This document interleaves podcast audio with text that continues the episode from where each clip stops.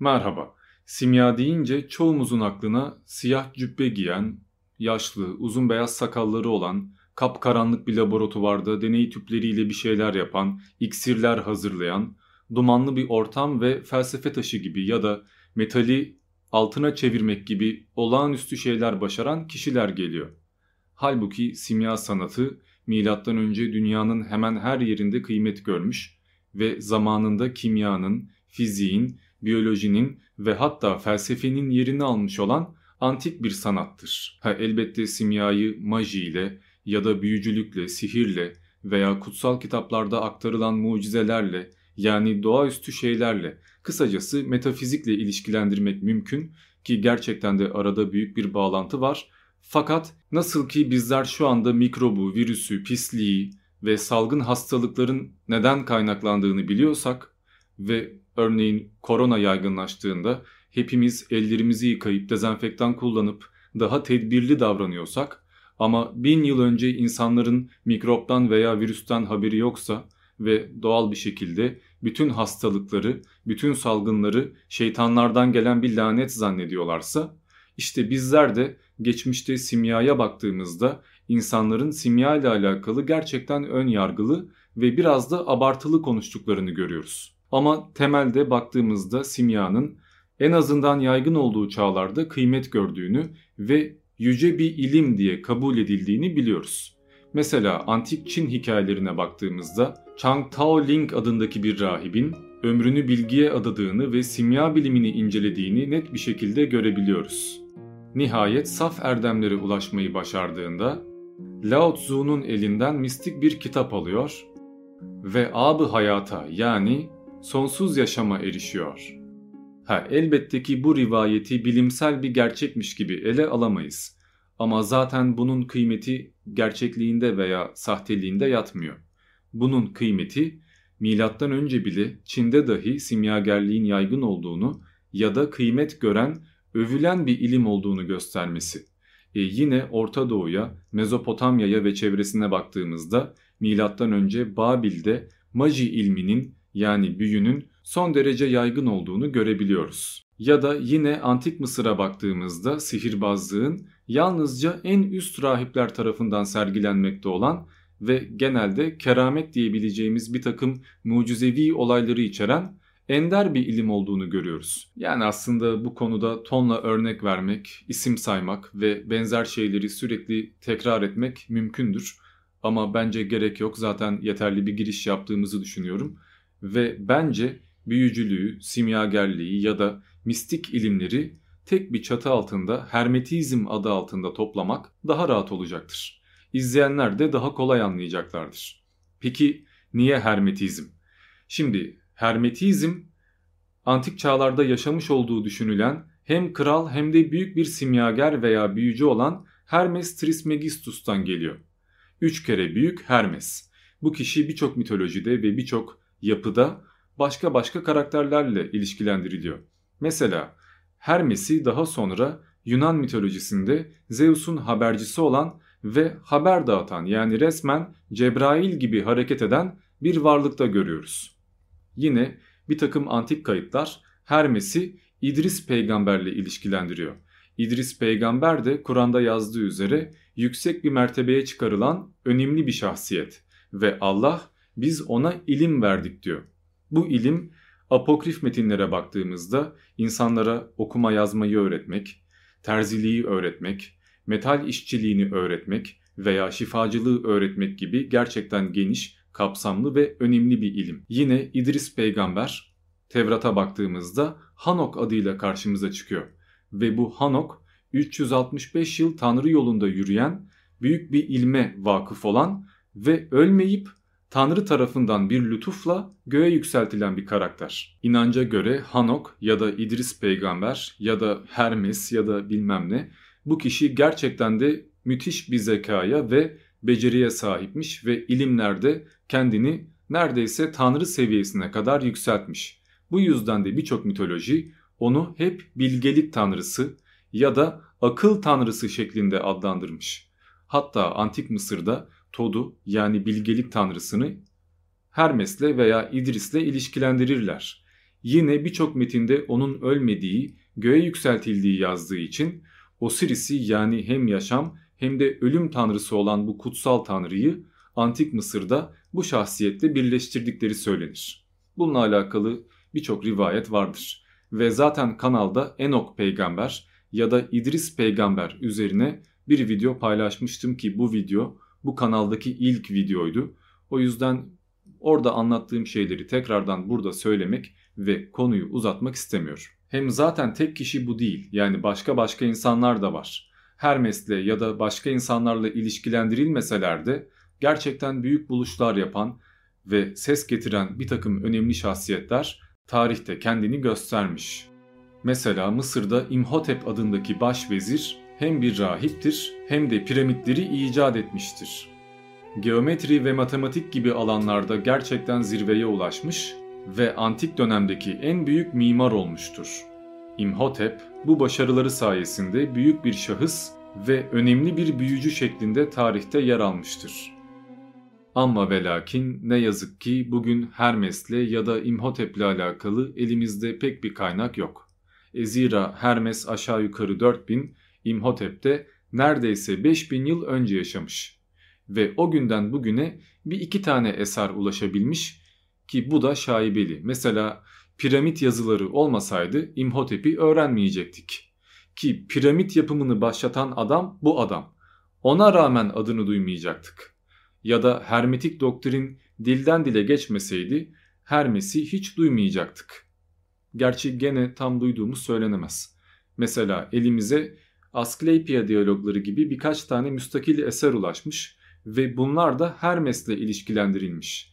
Zira Asklepia şifa tanrısı Asklepios'tan gelir ve insanlar Hermes'in aynı zamanda şifayı da öğretmiş olmasından yola çıkarak Asklepios'u da Hermes'le ilişkilendirirler. Diğer bir eserse tanrısal poemandadır. Fakat bu eseri kimin yazdığını tam anlamıyla bilmiyoruz.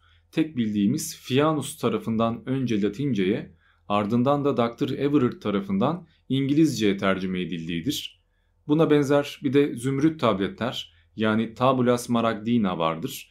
Ama tam ne yazdığını ne anlattığını da pek bilen yoktur. Hatta zümrüt tabletlerin nasıl bulunduğuna dair bile elimizde sağlam bir hikaye yok.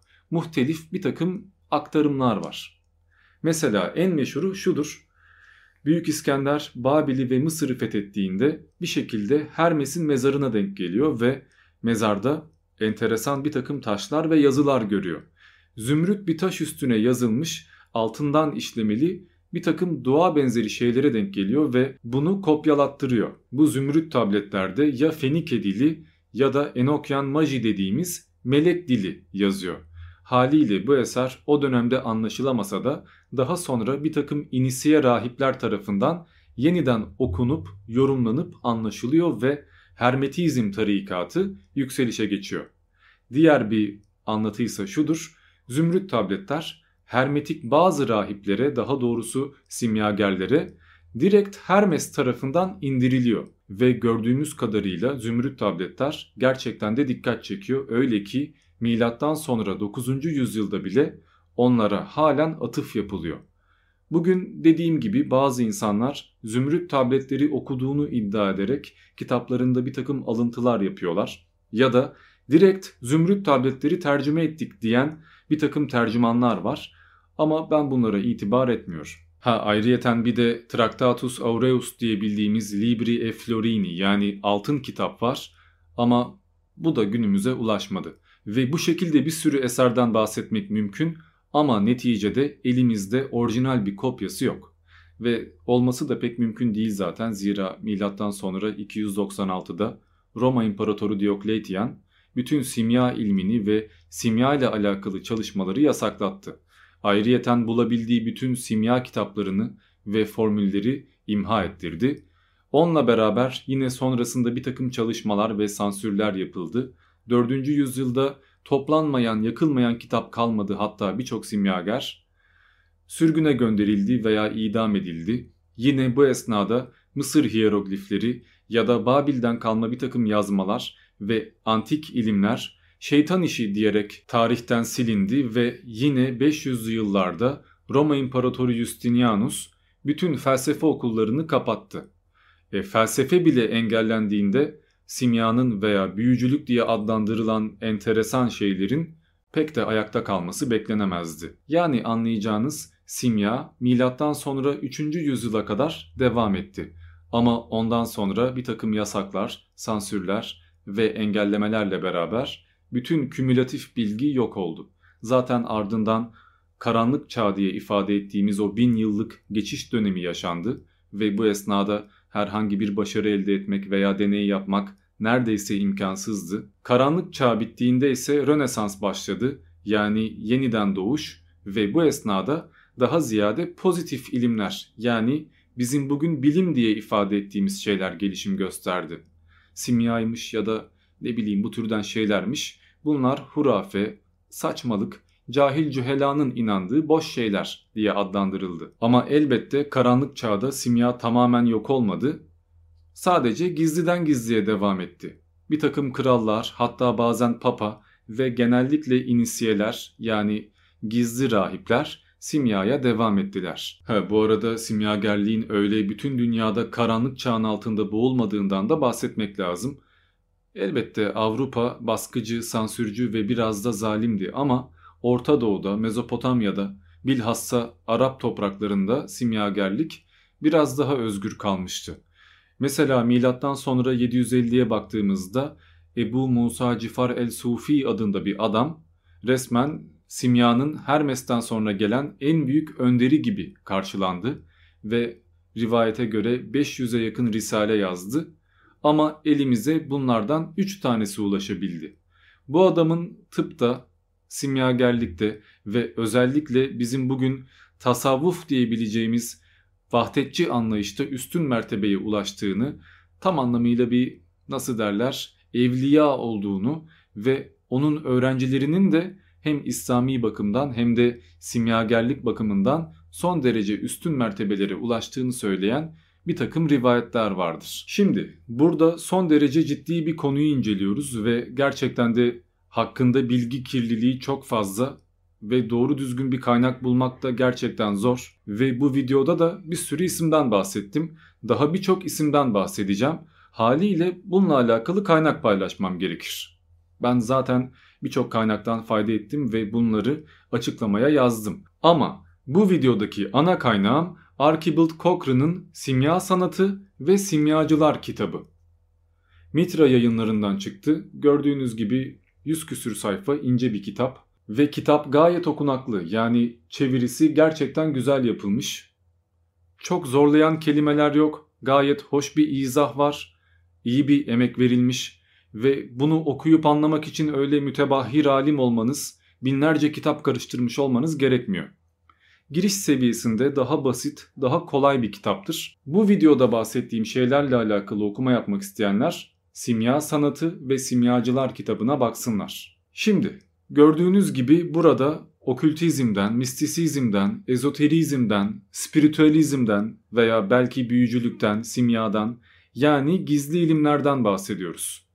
Ve bu alanlar gerçekten de suistimale açık, gerçekten de üzerine oynanmış, hakkında birçok abartı ve uydurma yapılmış, piyasası oluşmuş alanlardır. Hatta bunlarla alakalı tonla kitap yazılmıştır ve gerçekten de büyük bir bölümü çöptür. Haliyle ben burada size birçok şey anlatacağım ve bunların bazıları size belki de hurafe gibi gelecek, belki de bilim dışı gelecek. Ama ben yine de anlatacağım. Bu ne bunlara inandığım ne de reddettiğim anlamına geliyor. Bu işi çözdüysek kaldığım yerden devam ediyor. Söylendiğine göre milattan sonra 12. yüzyılda İspanya'da Arhefius adındaki bir adam insan yaşamını uzatmaya dair başlıklı bir kitap yazmış ve bu kitapta filozofların çözemediği o mutlak sırrı, kadim öğretiyi çözmeyi başardığını yazmış. Hatta öğrenmek isteyenler, görmek isteyenler için ben bu kitapta bütün sırrı ifşa ediyorum demiş. Şimdi diyelim ki bu adam gerçekten de yaşamış ve biyoloji bilgisini bir kenara bırakalım. Gerçekten de bin yıl boyunca hayatta kalmış. Yani bu sırrı çözmüş. İyi de bu tavır yani bu kitabı yazma tavrı direkt hermetik öğretiyle, hermetik doktrinle çelişiyor. Çünkü büyüde, ilmi ledünde veya diğer şeylerde simyada değişmez bir prensip vardır. O da şu. Bu ilmi bilenler konuşmaz, konuşanlar da bilmez. Bu mertebeye çıkanlar öyle bir huşuya ererler ki artık dünyevi zevklerle veya dünya ile ilgilenmezler. Ne konuşur ne öğretirler. Yani bu türden bir kitap yazmak böyle bir sırra erişecek bir adamın yapacağı şey değildir. Tabi bu türden inançların olması son derece doğal çünkü komik gelecek ama büyücülüğü ve simyayı en çok parlatan, en çok bunlara itibar kazandıran şey Engizisyondu. Yani büyücülüğün ve simyanın en büyük düşmanıydı. Zira bir rakibi ne kadar büyük gösterir, ne kadar mücadele ederseniz o kadar itibar kazanır. Şöyle anlatayım.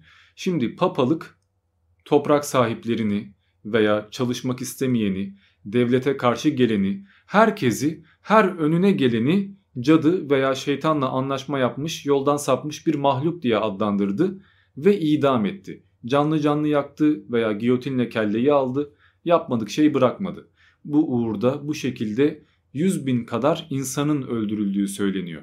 E elbette bunların hepsi ebe, doktor veya kimyager değildi, şifacı değildi. Arada birçok insan öyle kaynadı. Ve bu esnada insanlarda gerçek anlamda bir korku başladı. Herkesi bu şekilde öldürüyorlarsa bakkal Remzi amca bile büyücü çıktıysa demek ki gerçekten de dünya batmış. Demek ki gerçekten de kıyamet yaklaşıyor ve demek ki gerçekten de etrafı şeytanlar sarmış. Bu yüzden de insanlar korkudan dine bağlanmış, sabah akşam dua etmiş ve özellikle gece vakti sokağa çıkmaktan korkmuşlardır. E, insanlar sosyal hayata karışmayınca ve zaten herhangi bir kitap okuyamayınca rivayetler almış başını yürümüştür. Bir de şu var tabi, Engizisyon o kadar çok bu işi politik hale getirmiştir ki hiçbir suçu olmayan insanlar bile ya öldürsünler de kurtulayım ne oluyorsa olsun mantığıyla evet şeytanla anlaşma yaptım yeter artık ya falan deyip işlemediği bir suçu itiraf edip bütün bu tezleri, bütün bu hikayeleri daha da güçlendirmiştir. Bu yüzden de akla karayı ayırt etmek bugün epey zor. Ama eğer gerçek bir örnek vermek gerekiyorsa Padua yakınlarında doğan Peter di Apona diye bildiğimiz kişi gerçekten de büyük başarılara imza atmış ve hatta papalık bu adamın 7 kristal küre içinde 7 ruhu veya 7 cevheri barındırdığını yani metafiziksel varlıklarla anlaşma yaptığını söylemiş. Şimdi böyle bakınca devlet, hükümet sizin cinci hoca olduğunuzu resmen itiraf ediyor. Hatta resmi belgeyle tasdik ediyor. Yine sonrasında Villanovalı Arnold'un Theatrum Chemicum diye bildiğimiz çalışması resmen devlet onaylı bir şekilde simyadan kimyaya geçtiğimizi onaylamış oluyor. Ya da Albertus Magnus'a yani Yüce Albert'e baktığımızda onun hayatını ilme irfana adamış ve Aquinalı Thomas gibi önemli filozoflara fikir babalığı yapmış olduğunu görüyoruz. Öyle ki Elias Ashmole'un derlediği Thesaurus Alchimae Britannicum adlı eserde bile Albertus'un metali dönüştürmeyi başardığı yani simyada başarıya ulaştığı yazıyor. Ya da yine Raymond Lully adında 1235 yılında doğan birinin büyük bir İncil uzmanı olduğu ve son yıllarında simyagerliği öğrendiği hatta felsefe taşını keşfettiği yazar. Ayrıca 30 yıl boyunca simya ile uğraşmış olan Westminster başkeşişi John Cramer'ın Raymond Lully'yi Kral 2. Edward'la tanıştırdığı söyleniyor. Bu da yetmiyor. Lully'nin kral bir haçlı seferi düzenleyebilsin diye destek olmak amacıyla büyük miktarda metali simya ile altına çevirdiği söyleniyor. Hatta kral daha sonra Lully'yi esir etmiş, zorla epey bir altın çevirttirmiş, felaket zenginleşmiş ve Lully söylendiğine göre 150 yaşına kadar yaşamış. Yani şimdi burada bir takım şaibeler var. Zira 150 yaşına kadar yaşayan bir simyager bilmiyoruz. Bu bir. Kral 2. Edward'ın da o kadar müthiş zengin olduğunu veya başarılı olduğunu görmüyoruz. Bu iki. Üçüncüsü o dönemde zaten simyagerlik yasaklanmış. Ha, el altından yaparsın belki ama bahsi geçen zenginliğe ulaşacak kadar yapman mümkün değil. Zaten bir sorarlar. Bu para nereden geliyor derler. Bir de fark ettiyseniz hemen her hikaye metali altına çevirmek veya 150 yıl 1000 yıl yaşamak, ölümsüzlüğü bulmak ve ermekle ilişkilendirilmiş.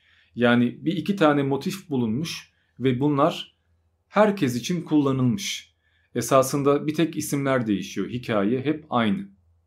Ve baktığımızda o dönemde özellikle metali altına çevirmek fikri son derece yaygınmış ve insanlar bu uğurda epey bir kazıklanmışlar. Hatta papalığın zaten bu işi yasaklamasındaki temel sebep de bu. O kadar çok kişi ortaya çıkıyor ki ben simyagerim, ben şu ilme vakıfım, bana gümüşünüzü verin, altına çevirip geri vereyim. Millet de veriyor. Ve tabii ki dolandırılıyorlar. Yani ne gelen var ne giden. Ardından birçok kişi şikayet edince işte böyle bir adam geldi, malımızı mülkümüzü verdik, bizi kandırdı gitti. Resmen bir çiftlik bank. En sonunda papalık simya yapmanın cezası ölümdür demek zorunda kalıyor. Şimdi bir de simya dendiğinde akla gelen en meşhur hikayeye yani Nicholas Flamel ve felsefe taşına bakmak lazım. Bu en meşhur hikaye diyorum çünkü gerçekten de Nicholas Flamel'le ve hayatıyla alakalı eserler, alıntılar epey çeşitli kaynaklarda vardır. Yazdığına göre Nicholas Flamel 14. yüzyılda Fransa'da yaşamıştır ve felsefe alanında epey uzmanlaşmıştır. Gerçi felsefe tarihinde öyle bir insan görmüyoruz ama öyle yazıyor. Ve ayrıyeten felsefe taşına ulaştığı söyleniyor. Ki bu felsefe taşı da bilindiği gibi zaten anlattık. En önemli elementlerden veya maddelerden biri ve felsefe taşına ancak ustalar ulaşabilir. Peki Flamel bu taşa nasıl ulaştı? O da enteresan. Yazdığına göre bu adam bir gün bir kitapçıya gidiyor ve orada tunç kapaklı 21 sayfadan oluşan son derece esrarengiz bir kitapla karşılaşıyor. Ve bu kitap 7'şer sayfalık 3 bölümden oluşuyor. Ve her ne hikmetse kitapçı bu kitabın değerli olduğunu anlayamıyor ve gayet ucuz bir fiyata, kelepir fiyatına kitabı bırakıyor. Nicholas Flamel de alırken ne türden bir kitap aldığının farkında değil, bir tek ilgisini çektiği için almış ve okumaya çalıştığında okuyamadığını fark etmiş. Zira bilinmeyen bir dille yazılmış. Kitabın bir bölümünde ise ayaklarında kanatlar olan ve elinde iki yılanlı bir asa tutan genç bir adamın olduğunu fark etmiş ki bunun da Hermes olduğunu biliyoruz ama Nicholas Flamel bunu anlamıyor. Hatta kitabın üzerinde felsefe taşı yazıyor ve buna rağmen o kadar yaygın bir efsaneyi Nicholas Flamel hiçbir yerden duymuyor. Hatta bu kitabı Paris'teki birçok ünlü doktora, birçok araştırmacıya ve teoloğa gösterdiğinde gülüp geçiyorlar. Fakat buraya birazdan geleceğim. Ben kitaptaki dille alakalı bir iki bilgi vermek istiyorum. Şimdi böyle anlatınca çizimler, semboller, Enokyan maji, gizemli bir dil biraz abartı ve yalan gibi geliyor. Zaten hikaye de pek ne bileyim yani realistik bir hikaye değil ama diyelim ki öyle. Bunda şaşılacak bir şey yok. Çünkü Nostradamus'u okuyanlar bilir o da hep çizimlerle, sembollerle kehanette bulunurdu ve yine Da Vinci ki kendisi ezoterizmle ve hermetizmle uğraşmıştır. Mona Lisa gibi son derece meşhur eserlerinde her zaman bir takım şifreler, gizemler ve mesajlar bırakmıştır. Söylendiğine göre Flamel bu kitabı karısıyla beraber incelemiş, yıllarca çözmeye çalışmış, birçok kişiye danışmış ve en sonunda kitap sayesinde cıvayı altına dönüştürmeyi başarmış. E, tabii kolay yoldan zengin olmayı öğrendiğinde de bu işlemi epey bir tekrar etmiş ve 116 yaşında 1415'te son derece zengin bir şekilde hayata veda etmiş. Ama tüm parayı da kendi çıkarına kullanmamış.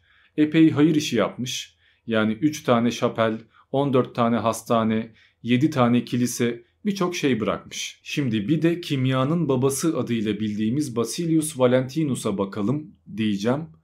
Ama bakmak kolay değil zira adamla alakalı tonla rivayet var ve gerçekte yaşayıp yaşamadığı da belli değil. Hakkında çizimler, kitaplar, hatıratlar birçok şey var ama hepsi bir diğeriyle çelişiyor. Yani birisi A derken diğeri B diyor. Ama bunlar problem değil zira bizler burada resmi tarih anlatmıyoruz veya bilimsel bir şekilde bütün simya tarihini ortaya koymuyoruz.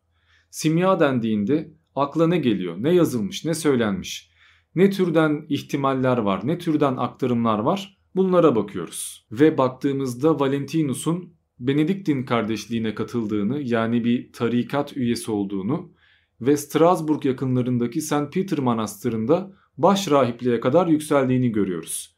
Yani etrafında yüzlerce insan var. Ve imkanı da son derece fazla.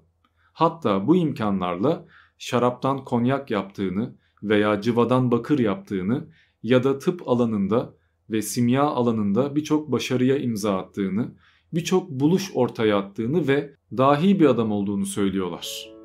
Valentinus'un bazı eserleri 1685'te Latince basıldı ve 1890'larda da James Eliot gibi insanlar tarafından İngilizceye çevrildi. Fakat 1671 yılında Theodorus Kerekringius'un önderliğinde ve onun yorumuyla basılan en meşhur eseri olan Currus Triumphalis Antimoni eserinde simyagerliğinden ziyade hekimliğiyle ön plana çıkıyor. Her halükarda sonraki yazarlar Valentinus'tan büyük bir usta diye bahsederler. Zira adam son derece anlaşılır ve basit bir dille birçok eser bırakmış ve bu eserler sonraki öğrencilere gerçekten de yol göstermiş. Ama burada yine bir şaibe var. Şimdi Valentinus gerçekten de o kadar eser yazdı mı? Yoksa başka simyagerlerin yazdığı kitaplar Valentinus'a mı atfedildi veya belki de Valentinus bunların üstüne mi kondu bilmiyoruz. Zira simya eserleri genelde anonimdir. Simyagerler öyle matbaadan kitap bastırmıyorlar. Ya da yüz baskıyla etrafa kitaplarını satmıyorlar. Zira zaten yazmak yasak ve tehlikeli. Bu adamlar el yazısıyla bir bodrum katında gizli gizli 5 yılda 10 yılda ve en fazla bir iki kopya olacak şekilde bir şeyler yazmaya çalışıyorlar. Haliyle siz bir simya eseri bulduğunuzda kime ait olduğu belli değil ve eğer bir baş rahip olduysanız veya gerçekten de yükseldiyseniz bunlardan istifade etmek ve üstüne konmak da gayet kolay. Genelde simyagerler yazdıkları eserleri eğer bunlar bir rahipse gizli ilimlerle uğraştıkları için katedrallerdeki en tenha bölgelerde saklarlar veya bunlar münferit çalışıyorlarsa, profesör falanlarsa kendi laboratuvarlarının bodrumunda, en altında, gizli bölmelerinde falan bekletirler. Ve mantık şudur. Ya bizler zaten çağımızın ötesindeyiz. Ve ben şu anda bunlardan bahsetsem kellem gider. Ve pek bir kişi de anlayamaz zaten. Ama ileride dünya daha refah bir yere gelecek ve ileride kafası basan bazı insanlar daha gelişmiş bir ilimle bunları okuyup tam anlamıyla değerlendirebilecek. Öyleyse ben bunu saklayayım zaten vakti geldiğinde Hermes Trismegistus sayesinde bu hak ettiği kişiye ulaşacak. İşte böyle baktığınızda bu kitapların her zaman hak eden kişiye ulaşamayacağını, bazen yanlış şeylere düşeceğini ya da kimseye ulaşmadan yok olacağını varsaymak pek de mantıksız görünmüyor. Devam edersek bir de Paracelsus'a bakalım ki epey meşhur bir adamdır. Muhtemelen zaten duymuşsunuzdur. Gerçi gerçek adını duydunuz mu onu bilmiyorum. Aurolus Philippus Theophrastur Bobastur von Hohenheim. Maşallah ya. Duymayın zaten bunu. Biz de duymamış gibi yapıp Paracelsus diyelim. Zaten genelde öyle biliyorlar.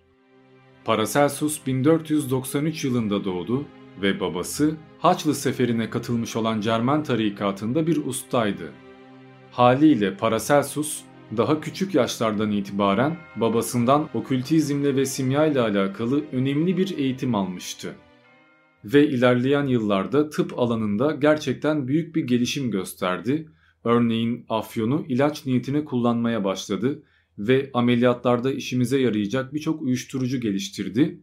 Böylece birkaç yıl içinde yaşadığı çağın en büyük tıpçısı hatta tıbbın babası ünvanını aldı. Bu adam hayatı boyunca çok önemli insanlarla tanıştı ve çok önemli alanlarda gerçek anlamda master yaptı. Mesela mineraloji veya astroloji ya da cerrahi, yine tıp bir sürü şeyden bahsetmek mümkündür. Ayrıca bütün dünyayı gezmiştir. Hollanda'yı, Rusya'yı, Almanya'yı birçok yeri görmüştür. Bu esnada Tatarlar tarafından esir edilip Çin'e gönderilmiştir. Ama başarılı bir adam olduğu için orada yükselmeyi başarmış ve elçilik göreviyle İstanbul'a kadar gelmiştir. Hatta birçok kişi İstanbul'da bazı dervişlerden önemli sırlar öğrendiğini, nefsi arındırmayı, ruhu kullanmayı hatta cin çağırmayı ve cinlere hükmetmeyi, maddenin özünü keşfetmeyi ve bunu değiştirmeyi Yani birçok şeyi öğrendiğini söylerler ama ne kadarı doğrudur ne kadarı yanlıştır o konuda bir şey söyleyemeyeceğim. Daha sonra bu adamın 1526'da Erasmus'un da davetiyle Almanya'da profesörlük yaptığını görüyoruz. Ama profesörlüğü fazla uzun sürmüyor çünkü Galen gibi tıp sektöründe, tıp alanında resmen yüce kabul edilen ve eleştirilmesi mümkün olmayan birçok insanı eleştirdiği, yeni bir takım formüller denediği, sistemi değiştirmeye çalıştığı ve sivri dilli konuştuğu için barındırmıyorlar. Hatta suikaste kurban gittiğini bile söyleyenler vardır. Ama meçhul yani tam anlamıyla bilmek mümkün değil. Fakat öyle veya böyle bu adamın öğrencilerinden gerçekten önemli şahsiyetler çıkmış ve o ne öğrettiyse o yoldan ilerlemişler. Mesela Jean Baptista van Helmont bunlardan biridir ve bu adamın lakabı tıbbın Descartes'ıdır. Bu kişi De Natura Vita Eterna kitabında felsefe taşını gördüğünü hatta felsefe taşıyla şifa dağıttığını söylemiştir. Şöyle ki başı ağrıyan birinin başına taşı sürdüğünüzde baş ağrısı geçiyor veya kolu kırılmış birinin koluna bu taşı sardığınızda kolu iyileşiyor. Ya da gözü görmeyen birinin gözüne bu taşın kaynatıldığı bir su döktüğünüzde gözü görmeye başlıyor. Yani iddialar böyle.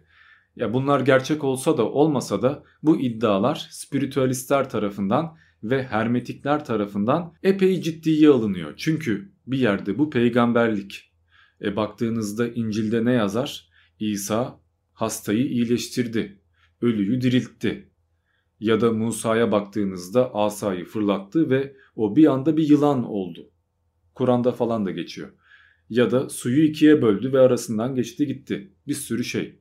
Her peygamberin bir mucizesi var. Ya birini iyileştiriyor ya da akıl almaz şeyler yapıyor ya da Nuh peygamber gibi 900 yıl yaşıyor. Ve bu insanlarla alakalı iki tane tez var. Ya bunlar peygamber ya da büyücü. Şeytanla anlaşmışlar ve büyü yapıyorlar, insanları kandırıyorlar. Halbuki felsefe taşı bütün bu problemleri çözüyor.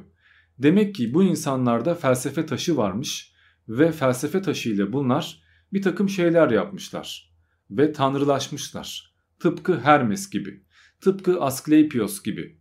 Örnekler çoğaltılabilir. Mesela Helvetius son derece meşhur bir isim ve bu adamın da felsefe taşını bulduğu hatta yine eriyik metalleri altına çevirdiği yani tarihin tekerrür ettiği yazar. Ya da 1710 yılında Sigmund Richer'a baktığımızda onun da metali altına çevirmeyi öğrendiği hatta bu konuyla alakalı bir risale yazdığı fakat bu risalenin Gül ve Haç kardeşliği tarafından ele geçirildiği ve korunmaya alındığı yani bütün sırrın bu tarikatın eline geçtiği ve kullanıldığı söylenir. Ki zaten Gül ve Haç kardeşliği simya tarihinde karşımıza bin defa çıktı, bin defa da çıkar.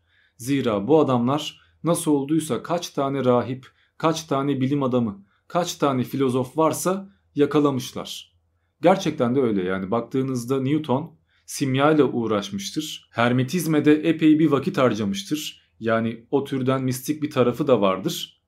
Ve aynı zamanda Gül ve Haç kardeşliğine üye olmuştur. Hatta Newton son büyücü, son simyager diye geçer. Ama Newton öyle hakkında 5 dakikada konuşup geçebileceğim bir adam değil.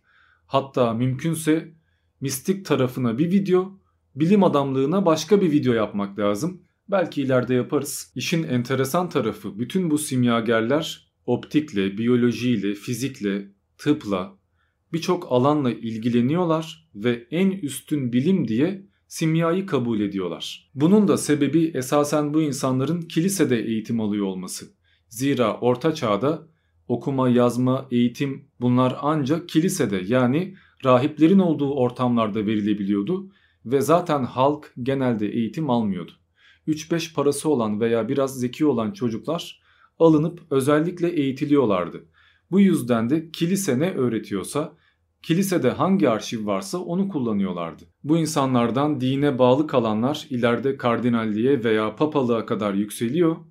Biraz dinden kopanları ise gizli ilim, gizli tarikatlar, hermetizm veya başka şeylerle uğraşıyorlardı. Ama iki tarafta felsefe taşı gibi, büyücülük gibi, ya da kutsal emanetler gibi doğaüstü şeylere inanıyorlardı ve toplamaya çalışıyorlardı. Bu açıdan Vatikan bir cennettir. Adamlar ne buldularsa antik kayıtlardan, antik eşyalardan ne varsa toplamışlar. Neyse bence yeterince konuştuk. Yani simyagerlikle alakalı bu ön bilgi yeterli olacaktır. Öyleyse şimdilik bu kadar. Ben Diamond. Diğer videolarda görüşmek üzere.